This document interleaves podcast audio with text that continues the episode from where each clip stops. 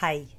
אחד הדברים שככה שמתי לב בזמן האחרון שהכי מחזקים אותי זה לשמוע סיפורים של אנשים אחרים ולהבין שהקשיים שלי, התסכולים שלי, הצרות שלי הם לא רק שלי, אלא הם משהו די נפוץ ולגיטימי.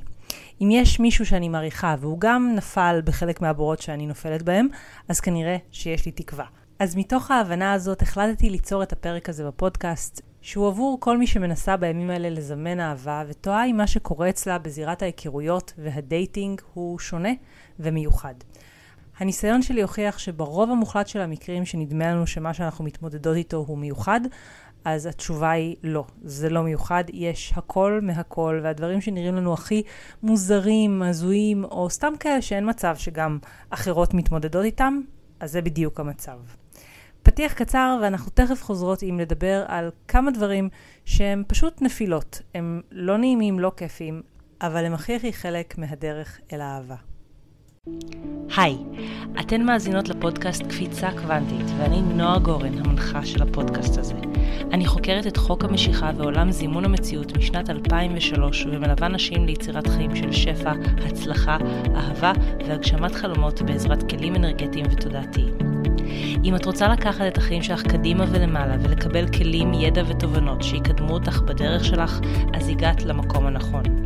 בפודקאסט הזה אנחנו נדבר על מה באת לעשות פה בעולם הזה, מה הולך ליצור לך את חיי השפע והשגשוג שאת מבקשת לעצמך, מה מעכב הגשמה והצלחה, ומה יכול לייצר קפיצות קוונטיות, אותם שינויי מציאות מהירים שמרגישים כמו קסם אמיתי כשהם קורים.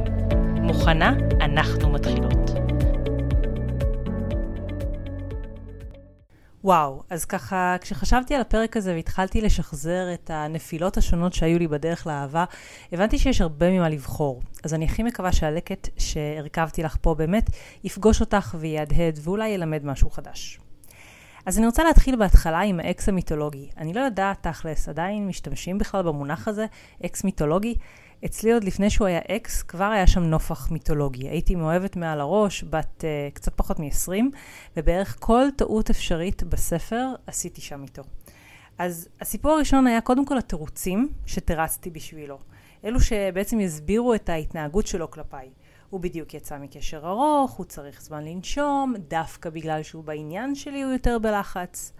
הנפילה פה אגב לא הייתה בתירוצים. הדברים האלה היו עובדות. הוא באמת יצא מקשר ארוך, הוא באמת היה צריך להתאושש, אני באמת לא הייתי חומר מתאים לריבאונד. הכל הכל נכון. אבל הבעיה הייתה באיך שפעלתי עם הנתונים האלה. ואיך שפעלתי היה להבין אותו. נתתי לו הרבה יותר מדי חבל, הסכמתי לקבל התנהגות שפגעה בי והורידה את הערכה העצמית שלי לקרשים. זה לא באמת משנה שיש למישהו סיבות טובות להתנהג כמו שהוא מתנהג. מה שמשנה זה שאנחנו לא רוצות להיות אלו שבקו האש. אבל סיפרתי לעצמי שמה שיש בינינו כל כך מיוחד, שזה משהו ששווה את הכאב שאני חווה. וכאן הייתה הבעיה. המקום הזה של לבחור במי שלא פנוי לקשר ולא בוחר בי חזרה, לא רק שהוא הסב לי סבל רגשי, זה גם משהו שבדיעבד גיליתי שהסיכויים שלו לעבוד ולהצליח הם סטטיסטית נורא נורא נמוכים. לא ידעתי את זה אז והאמנתי שהאהבה שבדרך אליה שורדים קשיים היא איכשהו משמעותית יותר, איכותית יותר. אפשר אפילו לומר שחיפשתי לעצמי את הסיפור המרגש הזה, והסיפורים האלה של פשוט הכרנו והתאהבנו ומאז אנחנו ביחד, הרגישו לי כאלה לא טובים, לא מיוחדים, לא משהו שאני רוצה לעצמי בשום צורה ודרך. עוד דבר שמאוד בלבל אותי היה כמובן החלק של המחמאות ושל ההתקרבות, שזה החלק שמאוד עזר להפליג בפנטזיות ולשמר את התחושה שהוא הכי בעניין. וזה אגב חלק שאני רואה גם אצל הרבה נשים שאני מלווה. את המקום הזה שאומרים לי, יואו, כמה הוא מחמיא לי, ואיך הוא מתייחס אליי כשאנחנו ביחד. וזה ברור לי שאני מיוחדת מבחינתו. עכשיו, שלא תבינו לא נכון, אני לא אומרת שזה שקר. לא אצלן וגם לא אצלי. אין לי בכלל ספק שהייתי מיוחדת מבחינתו. אבל בין להיות מיוחדת ובין להיות איתו בזוגיות מחייבת שיש בה אהבה הדדית, יש מרחק גדול. אפילו גדול מאוד. וזה מביא אותי לחלק האחרון במשוואה שהיה טיימינג. לגמרי התעלמתי מזה שהוא בכלל לא היה בשלב של להתמסד. חשבתי והאמנתי שכשיש משהו מדויק ואהבה גדולה כמו שיש לנו, אז הדברים חייבים להסתדר. ואז במקום לשחרר ובאמת לתת לדברים או להסתדר או לא להסתדר, נשארתי בסביבה, on, off, on, off, מה שלא גרם לו, את בטח מנחשת, להעריך אותי יותר או להתייחס אליי יותר טוב. עכשיו, אני כבר רוצה לסייג ולהגיד שגם את אולי שמעת או את מכירה איזשהו מקרה נדיר של בחורה שלא ויתרה ובסוף הצד השני בחר בה בחזרה.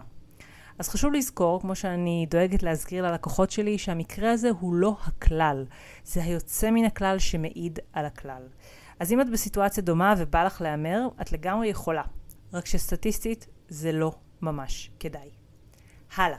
הנפילות הבאות שאני רוצה לדבר עליהן כבר שייכות לתקופה הרבה יותר מאוחרת בחיים שלי, תקופה שאני קוראת לה תקופת הרווקות, וזו הייתה תקופה שבה היו לי הרבה מאוד דייטים, שרובם המוחלט היה די עונש. פשוט לא שמחתי על עצמי לסנן מהר, פחדתי מלהיות בררנית מדי, מלפספס על איזושהי דעה קדומה דווקא את האדם שנועדתי להיות איתו, וככה יצא שאמרתי כן לכל מי שהזמין אותי לדייט, ודי מהר שחקתי את עצמי. ממש הגיע שלב שלא יכולתי יותר, הייתי חייבת לעשות עצירה ממש ארוכה, כי זה פשוט הגיע למצב בלתי נסבל שאני עובדת עבודה שנייה בדייטינג. אחרי הנפילה הזאת לא הייתה לי ברירה אלא להעלות את הסטנדרט ולהתחיל לסנן. ובשלב הזה גם כבר הייתי עמוק בתוך תהליך הלמידה, מה שאני קוראת לו הדוקטורט שלי בזימון אהבה, אז ידעתי הרבה יותר על איך לסנן מהר, והחלק הזה באמת נהיה לי יותר קל. מה שעדיין לא הפנמתי לעומק בשלב הזה, היה כל מה שעלול לקרות אחרי דייט ראשון. וכאן אני מדברת ספציפית על העיקרון שאומר שאפשר להיקשר גם למי שהכי הכי לא מתאים, וגם כשאת במודעות מלאה שאת לא רואה עתיד עם מישהו. וזה בדיוק מה שקרה לי. יותר מפעם אחת הצלחתי להיקשר רגשית לגברים שלא הייתי מעוניינת בהם ולא ראיתי שום סיכוי לזוגיות איתם. לקח לי זמן להבין שזה לא שאני טועה או מפספסת, אלא שככה המנגנון הזה עובד, ובתור נשים אנחנו יכולות בקלות להיקשר גם למי שהכי לא מתאים לנו, ואז לסבול מכאב רגשי מאוד מאוד משמעותי. וזה מוביל אותי לנפילה הבאה שרציתי לדבר עליה, וזו התחושה שאני תקועה ושהדברים לא מתקדמים, ושאולי נועדתי להיות לבד לנצח.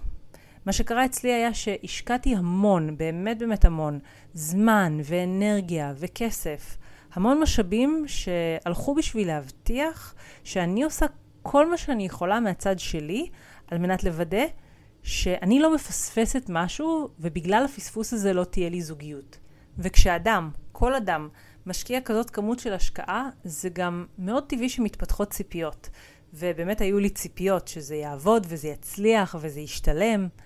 ואז עוד חודש עבר ועוד אחד, ואני רואה שאין התקדמות.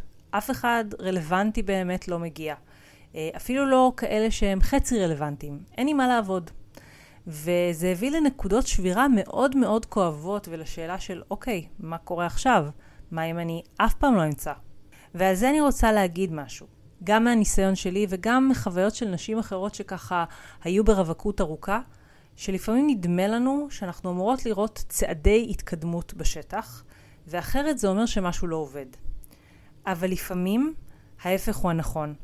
החוסר התקדמות, האף אחד לא חצי רלוונטי, זה פשוט היקום שחוסך לך כל מיני לבטים, או מפנה מהדרך את כל האלה שהם כמעט, כדי שלא תבזבזי עליהם זמן, כדי שלא יישבר לך הלב בגללם, וכדי שיהיו לך את כל המשאבים ואת הפניות הרגשית עבור האדם המדויק שאו-טו-טו מגיע. ומההסתכלות הזאת, שיש בה קצת אבקת אופטימיות מלמעלה, הדרך נהיית יותר קלה.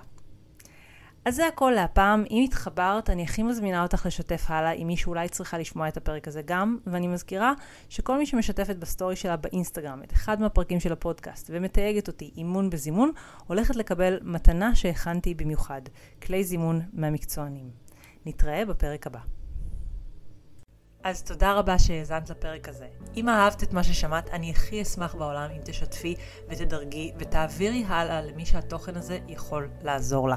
ואם את עדיין לא עוקבת אחריי באינסטגרם, אני מחכה לך שם. חפשי אימון בזימון כדי לקבל ממני ים של תוכן, הדרכות וטיפים על איך לעשות קפיצות קוונטיות וליצור את החיים שאת רוצה בקלילות ובהנאה. זה הכל לבינתיים, ואנחנו נשתמע בפרק הבא.